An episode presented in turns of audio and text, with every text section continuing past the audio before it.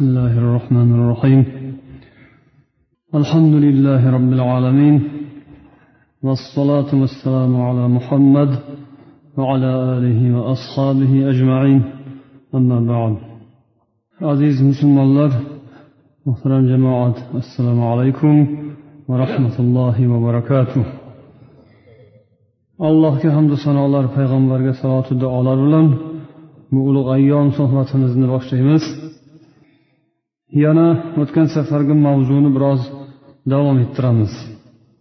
Qiyomatning kichkina oddiy alomatlari haqida suhbat o'tayotgan edi. Bugun inshaalloh mana shu kichkina alomatlarini tugatib katta alomatlar haqidagi xabarlarga o'tamiz.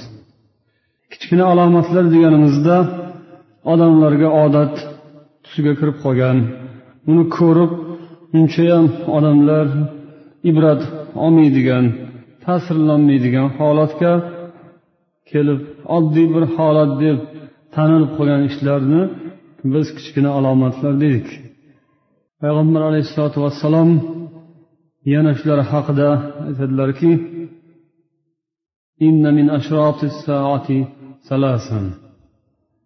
uchta narsa borki qiyomat alomatlaridandir.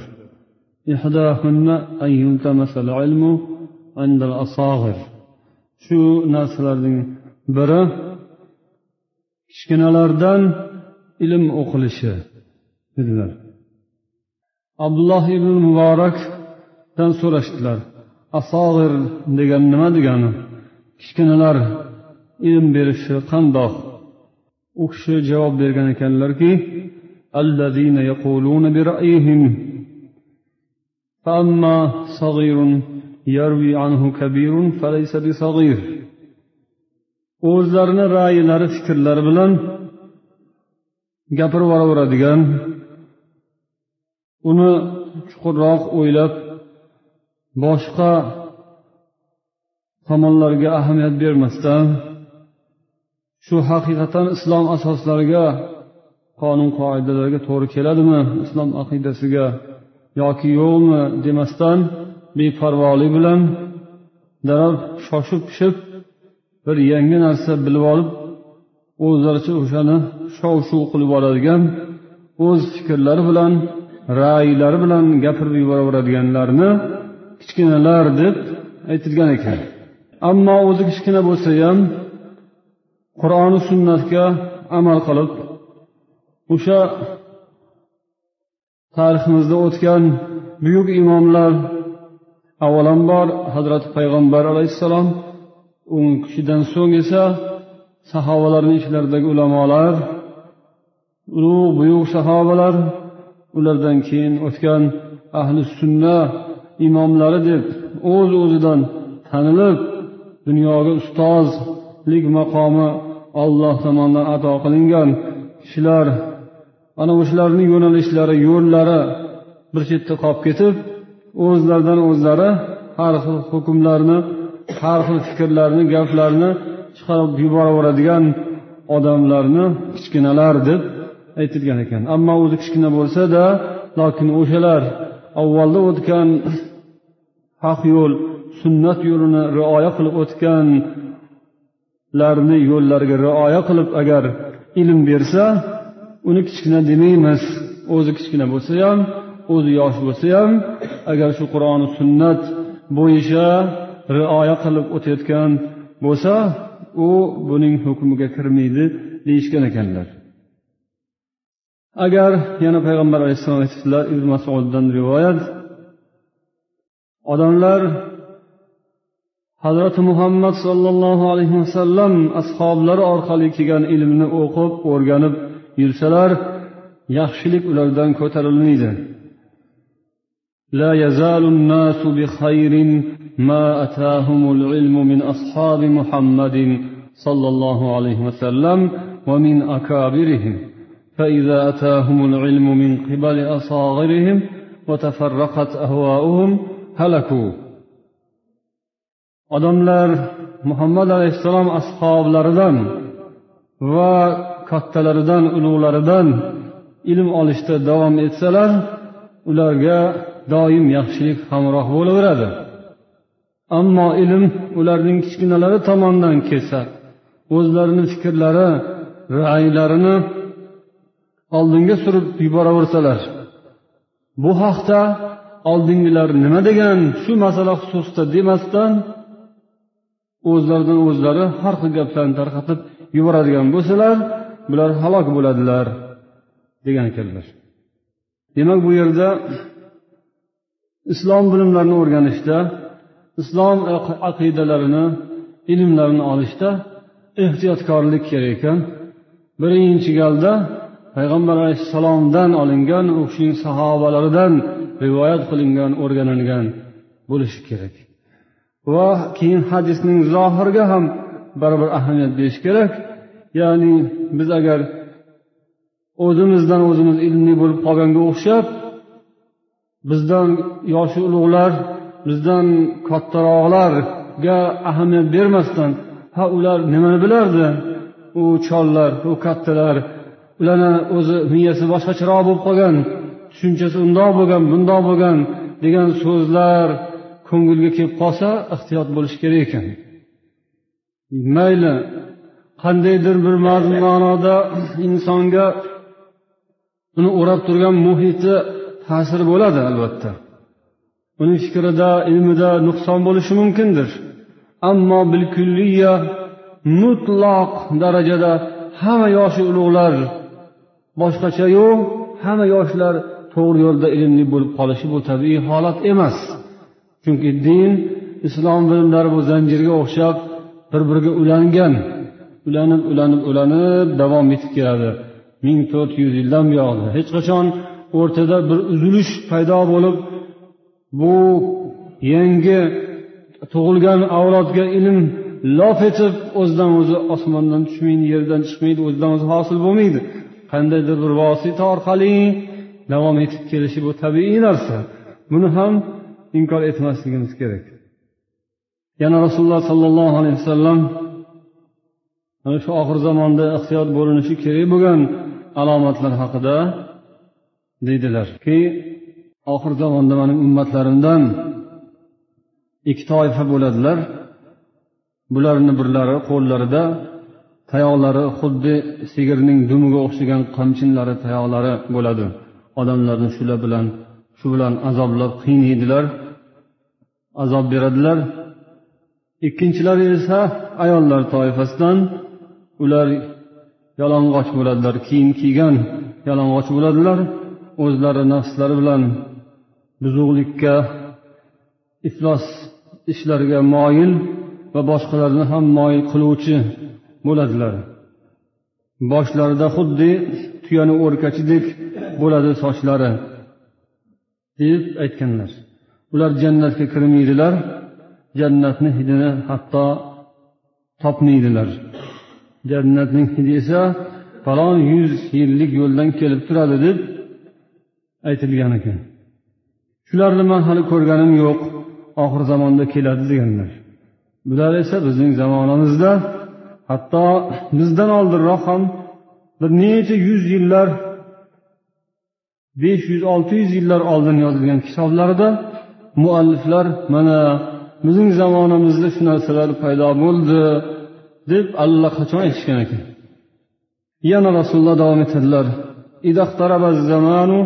لم تكد رؤيا المسلم تكذب فأصدقكم رؤيا أصدقكم حديثا ورؤيا المسلم ورؤيا المسلم جزء من خمس وأربعين جزءا من, من النبوة zamon yaqinlashgan sayin musulmonning tushi yolg'on bo'lmay qoladi o'sha vaqtda sizlarni eng to'g'ri tush ko'radiganlaringiz eng rostgo'ylaringiz bo'ladi. Musulmonning tushi payg'ambarlikning qirq oltidan bir bo'lagidir dedilar. Ulamolar aytadilarki oxir zamon bo'lganda mo'min musulmon odamning tushi judayam aniq haqqi rost bo'lib qolar ekan. Tabiri kerak bo'lmas ekan. Odatda tush tabir qilinadi. Falon narsa ko'rsa mana bundoq buniki bundoq deb lokin qiyomat yaqinlashgan sayin sharoitlar o'zgarib o'lchovlar o'zgarib qolar ekan g'ayrioddiy narsalar oddiyga aylanib qolar ekan.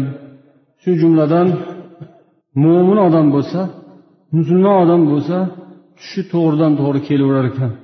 Aniq ko'raverar ekan oldindan ba'zi bir narsalarni bo'ladiganini xudoyim mo'min musulmonga ko'rsatib ogohlantirib turar ekan yaxshilikdan bashorat musibatdan esa alomat ogohlantirishni olloh ko'rsatar ekan. Buning hikmati nima deyilsa ulamolar aytishgan ekanki o'sha vaqtga borib oxir zamonda mo'min musulmonlar g'arib bo'ladilar. Payg'ambar hadisda aytganlaridekki al g'ariban va g'ariban. Islom o'zi g'arib bo'lib boshlandi oxirida ham yana g'arib bo'lib tugaydi. Shunday g'ariblarga jannat bo'lsin deb yana bir rivoyatda mo'min musulmonlarni o'shandoq zamonda ham iymonini saqlab qololganlarni haqiga rasululloh uzoqdan turib duo qilib qo'yganlar. Shularga tasliya bo'lsin uchun ya'ni islom oxirlashib qiyomat yaqinlashib dunyo oxirlashib borayotgan mahalda musulmonlarga qiyinlik mashaqqat jabru sitam ko'p bo'ladi. Ular qiynalib qoladilar iymonni saqlash qiyin bo'lib qoladi. O'sha vaqtda xudoyim mo'min musulmonlarga tasliya bo'lsin tasalli bo'lsin ularning dillariga quvvat bo'lsin iymonlariga madad bo'lsin deb mana shu fazilatni berar ekan oldindan tushlari to'g'ri to'g'ri kelaverar ekan tabi qilib ham o'tirilmas ekan. Yana payg'ambarlar o'zlarini ummatlarini ogohlantirib turishardi. Yaxshilik bilan xursand qilib bashorat berib balo ofat musibat jazolar bilan ogohlantirib oldindan qo'rqitib.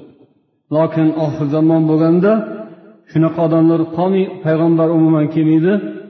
Payg'ambarlardan keyingi merosxo'r bo'lgan olimlar ham sekin kamayib boradi. Oxirida mo'min musulmonlar o'zlari qolib ularga shu yaxshilikdan bashoratu yomonlikdan qo'rqituv bo'lib tushlari bo'ladi. Tushlarida shunday ogohlantirish bo'lib turadi. Ba'zi ulamolar esa yana shunga bir fikr qo'shadilarki bu ish bu holat ma'lum bir zamonga cheklanmasa ham bo'ladi. Bu atayin qiyomatning yaqin qolgan vaqtidagina demasdan nariroq beriroqda ham bo'lishi mumkin. Hamma zamonda bo'lishi mumkin. Umuman bu zamon musulmonlar hozir yashayotgan zamon o'zi umuman olganda oxir zamon. Qiyomat tobora yaqinlashib kelayotgan zamon. Demak bu narsani hali bo'lmadi keyinroq deyishga ham o'rin emas balkim hozir shu kunlarda ham bu narsa amalga oshayotgan bo'lsa bu taajjubli joy yo'q. Yana rasululloh sollallohu alayhi vasallam bizni ogohlantiryaptilar. سيكون في آخر أمتي أناس يحدثونكم ما لم تسمعوا أنتم ولا آباؤكم yaqinda bu ummatlarimning oxirida shundoq odamlar bo'ladilar ular sizlar ham ota bobolaringiz ham eshitmagan gaplarni gapiradilar umuman yo'q yerda gaplarni topib gapirib har xil narsalarni tarqatishadi. Ehtiyot bo'linglar degan ekanlar. Haqiqatdan quloqlarga yetti uxlab tushga kirmaydigan gaplar har xil voqealar falon joydan pistonchi kelibdi osmondan falon planetadan bir odam kelibdi kelib yerdagilar bilan uchrashibdi qovushibdi undan bir bola tug'ilibdi falon bo'libdi battar bo'libdi. Shundoq gaplar hozir gazetalar jurnallarga mato bo'lib qoldi. To'g'ri gap qolmagandek odamlarga bir nasihat haq yo'ldan saboq berishi yo'llari yopilib qolgandek ba'zi jurnallar mana shunday narsadan boshi chiqmaydi. Odamlar ham shuni izlab yuradigan mana shundoq gaplarni gapirib yuradigan kishilar ham yetarlicha topiladi. Mo'min musulmonlar sizlar ehtiyot bo'linglar. Yangi gap yangicha ta'limot paydo bo'lmaydi. Hammasi o'sha ajdodlar musulmon ulamolari tomonidan avvalambor boshidan hazrat payg'ambar tomonlaridan hamma gap aytilgan. Musulmon odam uchun ajabtovur g'aroyib g'alati g'alati narsalar mo'min musulmonni aqlini olmaydi. Televizorda aytdiyu gazetda chiqdiyu radioda gapirdiyu. E, nima qilibdi ha gapiradi gapiradiganlar xudoyim kimnidir gapirishga yolg'on yoshi gapni tarqatishga ham yaratgan. Shu televizorda gapirsa radioda gapirsa gazetda chiqsa bu haqiqat degani emas axir. To'g'risi bo'ladi noto'g'risi bo'ladi. Olloh aqlni farosatni dinni qur'onni sunnatni haq yo'lni bekorga berganmi? Hammasi boshqa sizdan tashqaridan bo'ladigan bo'lsa siz unda robotga aylanib qolasizku? Siz qo'g'irchoq bo'lasizku? Ha undoq emas. Atrofda har xil narsa bor. Bozorga kirsangiz ming xil narsa bor. Hamma o'zini matosini olib chiqib sotish kerak. Ha oladigan odamda ozgina farosat bo'lishi kerak edi. Bozorda bor ekan olib kelaverdim deb o'ziga zarar bo'ladigan narsani ko'tarib kelaveradimi? Aqlli odam. Pul topgandan keyin ozgina aql ham bo'lsin deb qo'yadi. Agar qo'lida bir bo'lmaydigan narsani bozordan ko'tarib kelsa pul topibsanu aql topmabsan bechora. Deb qo'yadi. Shunga o'xshagan quloqqa kirgan gap hammasi aytdiku dediku ku ku ku qilib hammasini qabul qilib olib boradigan odam laqma odam anqov odam oxiri borib yo'ldan chiqib ketishi mumkin bo'lgan odam xudo asrasin. Yana payg'ambar alayhissalotu vassalom deydilar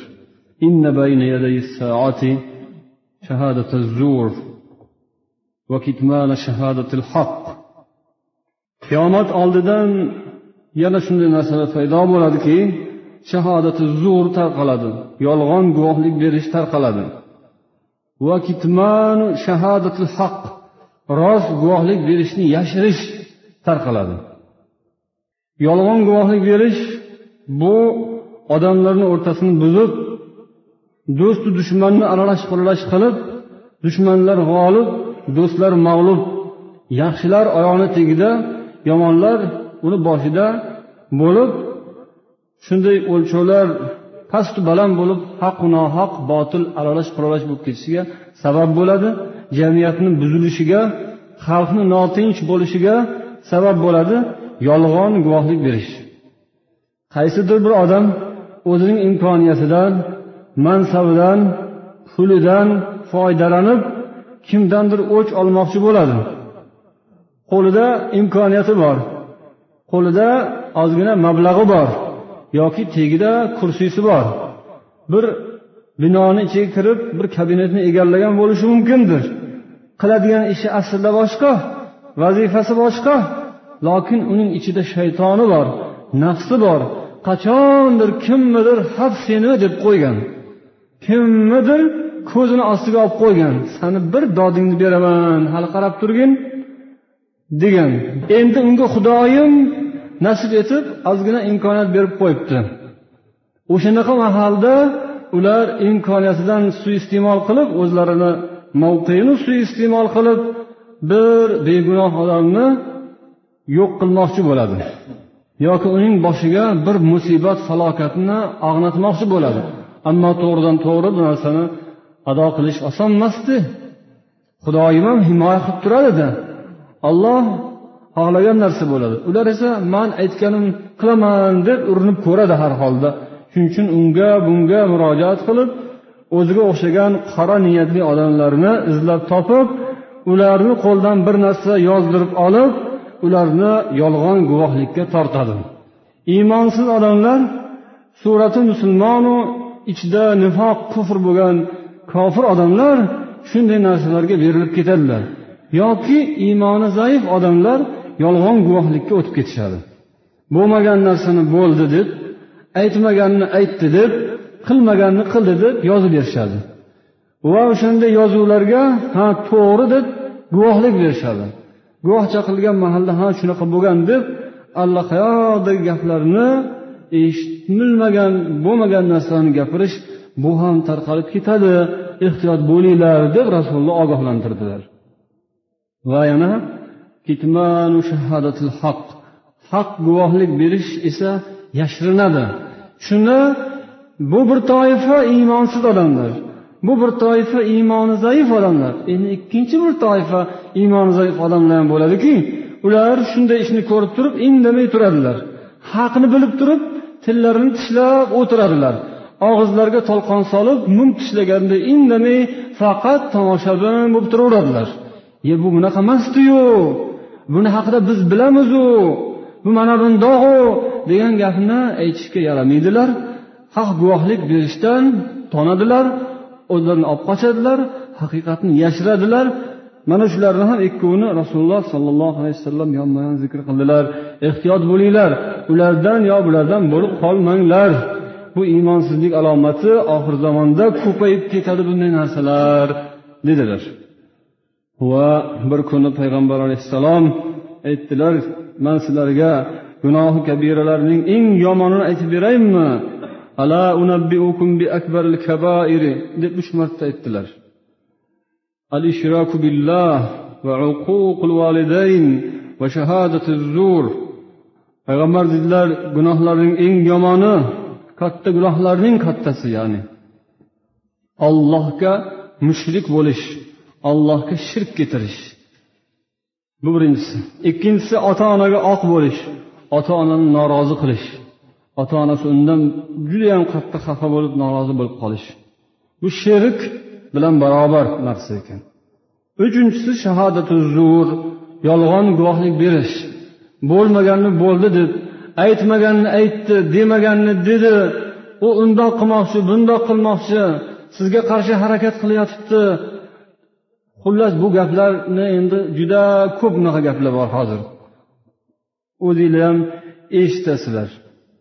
Bo'lmaydigan narsalarni bo'lyapti deb begunoh odamlar hech bir aybsiz odamlarni aybdor qilish uni osonlik bilan bo'yniga bir aybni ilib turib uni chiqdi uni uydan bu chiqdi deb turib uni qop qora qilib kosovga sanchib kulga bulab axlatga loyga bulab otib olish ishlari ba'zi bir joylarda bo'layotgan ekan. Rasululloh shundan ogohlantirdilar. Shahodatu zur yolg'on guvohlik berish o'shanga ham guvoh kerakda. Mana shuni uch marta qaytargan ekanlar. Takror takror. Yana qaytaraverdilar deydilar. Qaytaraverdilar qaytaraverdilar qaytaraverdilar. Yonboshlagan edilar o'tirib oldilar payg'ambar. O'tirib olib turib shuni ham qaytaraverdilar ey yolg'on guvohlik berish shahodati zo'r shahodati zo'r deyaveruvdilar atrofdagilar e qachon to'xtarkinlar a? Judayam ko'p aytib yubordilaru dedik deydilar. Rasululloh shunaqa takror takror bo'lsa ham odamlarga ko'p bo'lib ketdiyu qachon to'xtarkinlar a? deydigan darajada gapirdilar. Nima sabab edi shunga? Chunki ummatlarini tinchligini mo'min musulmonlarning himoyasini o'yladilar rasululloh. Begunoh odamlarni tinchini ularni halovatini ularni foydasini o'ylab payg'ambar alayhissalom shunday dedilar. Demak bu ollohga mushrik bo'lish ota onaga oq bo'lish va yolg'on guvohlik berish ikkovini uchovini barobar aytdilarki bu zulm bo'ladi jabru sitomga sabab bo'ladi odamlarning huquqi molida obro'sida hayotida ularning huquqi oyoq osti bo'lishiga mana shu ishlar sabab bo'ladi. Bu esa iymonning zaifligidan yoki umuman iymon yo'qligidan kelib chiqadi. Odamlarni o'rtasida yana payg'ambar deydilarki bo'ladigan voqealardan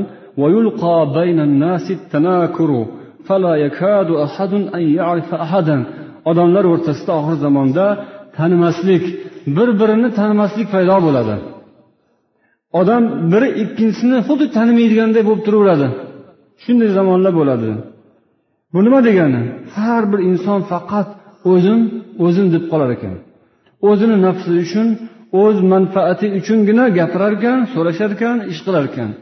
O'ziga manfaat tegmaydigan unga aloqasi yo'q ish bo'lsa unga hech bir taalluqli joyi bo'lmasa u musulmon bo'lsa ham boshqa bo'lsa ham ahamiyat bermas ekan tanimaydigan bo'lib shunday bir qoqqan qozuqdek turaverar ekan qaramasdan yo ishini qilib ketaverar ekan yonida birov nima bo'lyapti o'lyaptimi qolyaptimi boshqami ahamiyat yo'q xuddi tanimaydiganday lokin aslida tanimaydi emas aslida taniydi biladi. Lokin hamma o'zi bilan ovora bo'lib unaqa odamlar o'rtasida oqibat mehru muruvvat insof diyonat rahmi shafqat mehribonlik degan narsa ko'tarilib ko'tarilib hamma xuddin egoist ham deydiku o'zim bo'lsam bo'ldiga o'tib olishi bu zamonning tugashi alomati bo'ladi. O'shanaqangi odamlar to'lib toshsa dunyoda dunyoni ham keragi bo'lmay qoladi hayotda halovat ko'tariladi. Bu hayot mo'min musulmonlar bir birini tanib bir biriga uni qadriga yetib olloh uchun do'st bo'lish bilan dunyo hayoti halovatli bo'ladi. Keyin bu dunyo hayoti obod bo'lishi mumkin. Yana payg'ambar alayhissalom degan ekanlar yakunu fi oxiri zamani aqvamun ixvanul alaniyati a'daus sarirati yoki yana bundoq. Oxir zamonda shunaqangi qavmlar bo'ladilarki ular ko'rinishdan birodar ichidan esa dushman. Shundaylar ko'payib ketadi. Yo rasululloh bu qandoq bo'ladi deb so'rashsa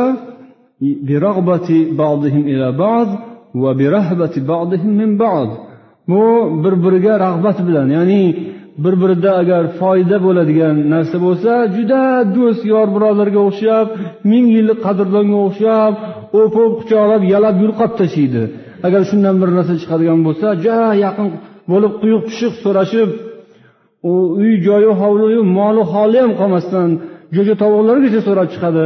Agar shu yerda bir yaxshi narsa unadigan bo'lsa yoki rahbat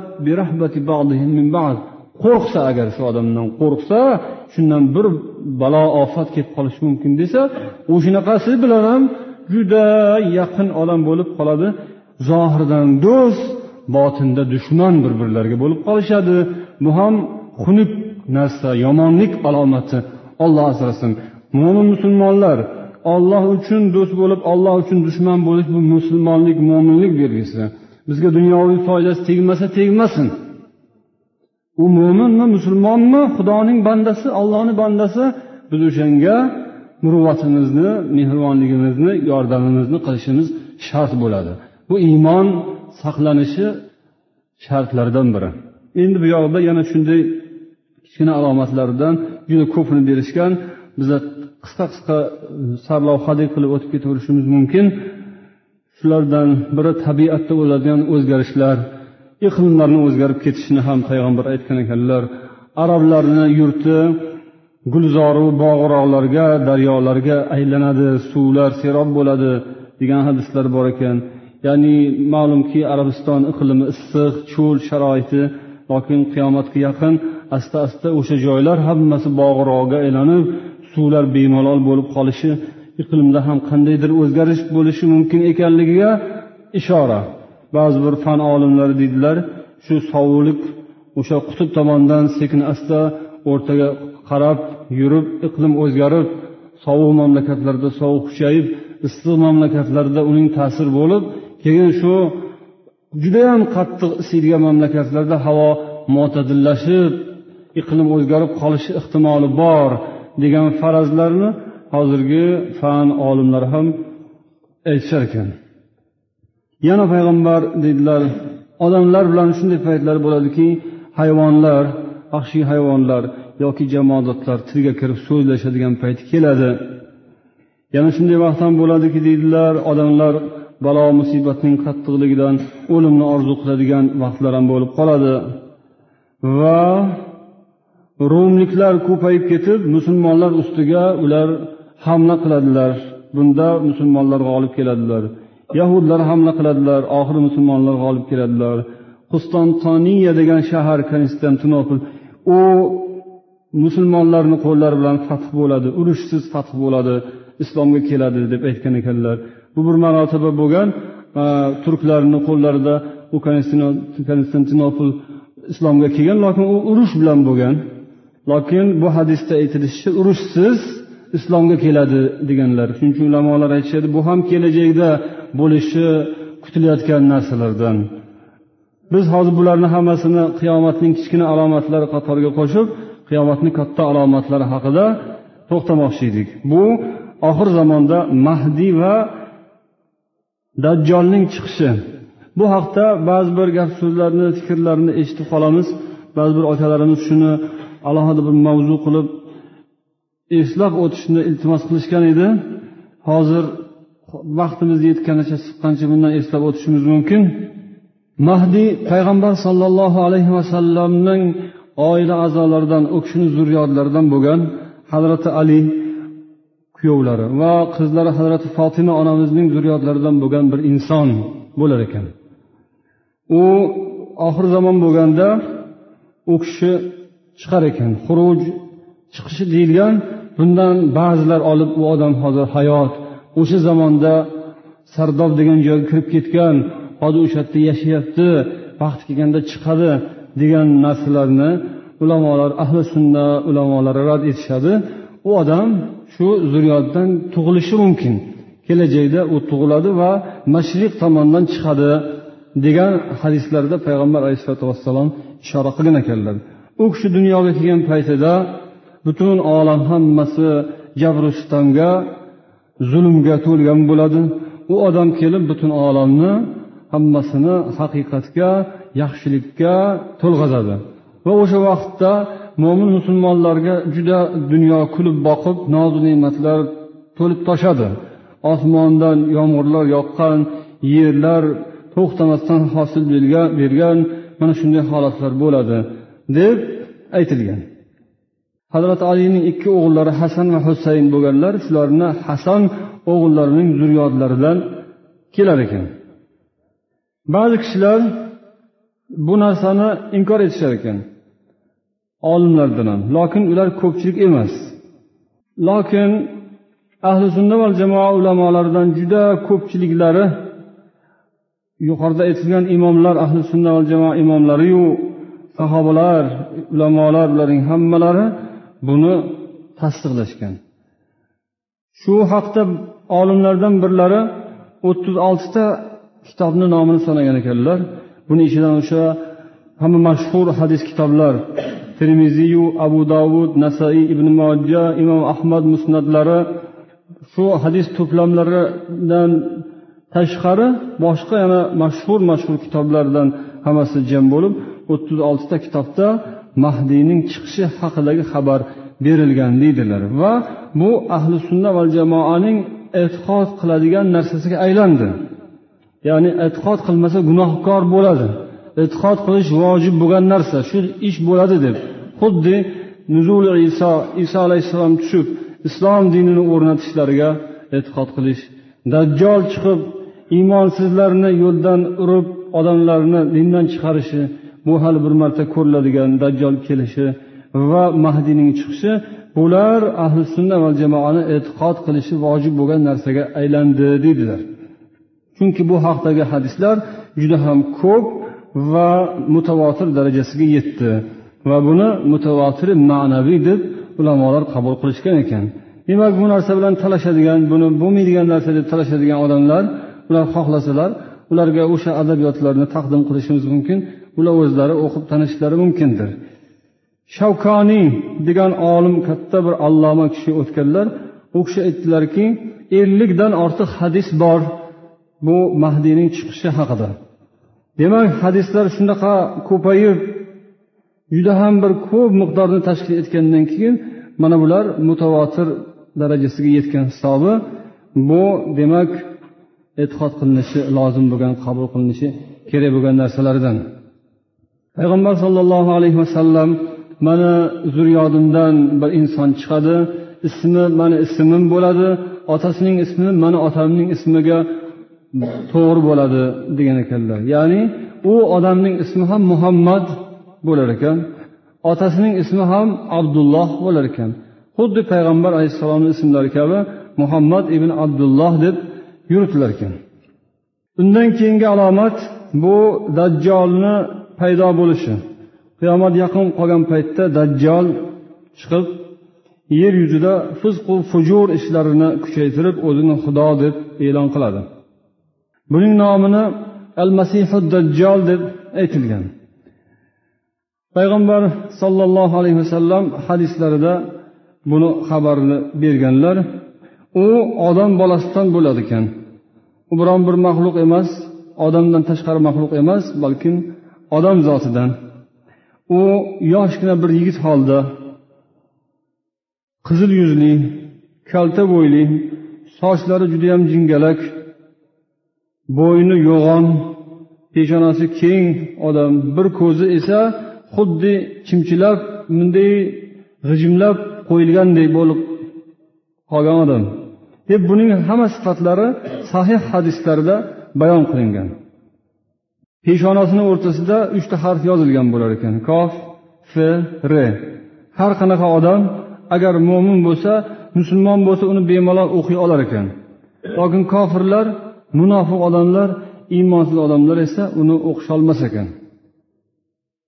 Buning nomi ham masih hazrati iso payg'ambarni ham nomlarini olloh masih deb aytgan. Buni farqi shuki masih degani masx qiluvchi yoki masx qilingan. U dajjolning bir ko'zi xuddi qo'l bilan bir narsa bilan shunday silab tekislab qo'yilgan bo'lgani uchun yoki deydilar qirq kun davomida butun dunyoni aylanib chiqar ekan. Hamma yoqni sidirib supurib chiqar ekan go'yoki. Shuning uchun uning nomini masih deb aytildi. Ammo iso payg'ambarning nomlari ham masih u kishini masih deyilish sababi qo'llari bilan shunday silaganlarida kasallarini tuzatib allohning izni bilan o'liklarni tiriltirganlar. Shuning uchun nom bir xil bo'lgani bilan lokin ikkovlari butunlay boshqa boshqa. Bu dajjol haqida hali ko'p narsalar bor. Alloh xohlasa kelgusi jumamizda biz dajjolni qiladigan ishlari unga ergashadigan odamlar o'sha vaqtda bo'ladigan ba'zi bir g'aroyib hodisalar mo'min musulmonlarning ahvoli haqida inshaalloh keyin to'xtalib o'tarmiz. Hozir esa vaqtimizni ozgina qolgan qismida ba'zi bir savollaringizga javob berishga harakat qilamiz. Ukalarimizdan birlari hop arvohimni bo'ynimga olib shifo topdim deganlarni ko'plari bo'lyapti.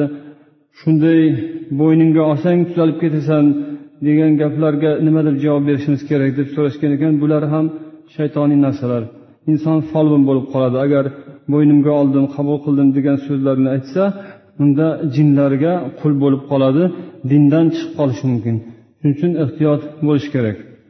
Qur'on o'qib turib folbinlik qiladigan folbinlik qilib imomlik qiladigan kishilar bor. Bularga nima deysiz? Folbinlik qilsa uni qur'on o'qigandan foyda yo'q imomlik qilgandan foyda yo'q folbin odam kofir bo'ladi. Uzoq bo'lish kerak folbinga bormaslik kerak. Sizdan iltimos ba'zi bir bolalar dinda sovib qolyapmiz namozlarga ham beparvo bo'lib qolyapmiz deyishyapti. Maslahat bering.